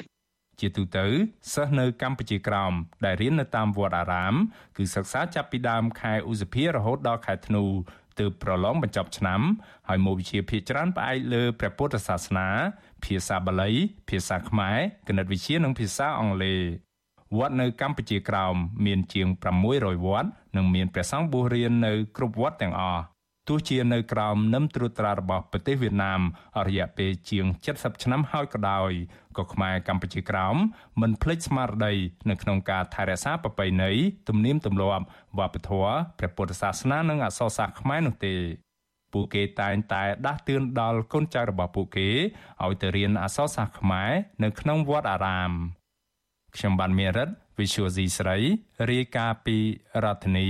Washington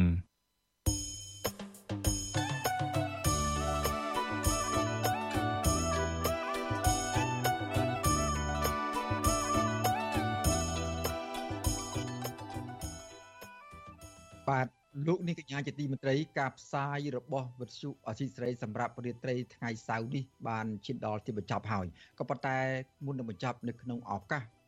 ឆ្នាំថ្មីឆ្នាំសកលឆ្នាំ2023នេះក្រមការងាររបស់វិទ្យុអសីស្រីទាំងអស់ក្រមការងាររបស់វិទ្យុអសីស្រីទាំងអស់សូមគ្រប់ជូនពរឆ្នាំថ្មី ឆ្នាំ2023នេះដល់ប្រិយមិត្តទាំងអស់ដែលតែងតែចូលរួមគាំទ្រនិងលើកទឹកចិត្តវិទ្យុអសីស្រីទាំងអស់ជារៀងដរាបតរៀងមក បាទយើងខ្ញុំក៏សូមព្រមទាំងក្រុមការងាររបស់វិទ្យុអសីស្រីសូមគោរពជូនពរអស់លោកនាងឲ្យមានសុខភាពល្អឲ្យប្រជួបប្រកបតែនឹងសេចក្តីសុខចម្រើនរុងរឿងកុំបីឃ្លៀងឃ្លាតឡើយខ្ញុំបាទសេកបណ្ឌិតនិងក្រុមការងាររបស់វិទ្យុអសីស្រីសូមអរគុណនិងសូមជម្រាបលា បាទរាត្រីសួស្តី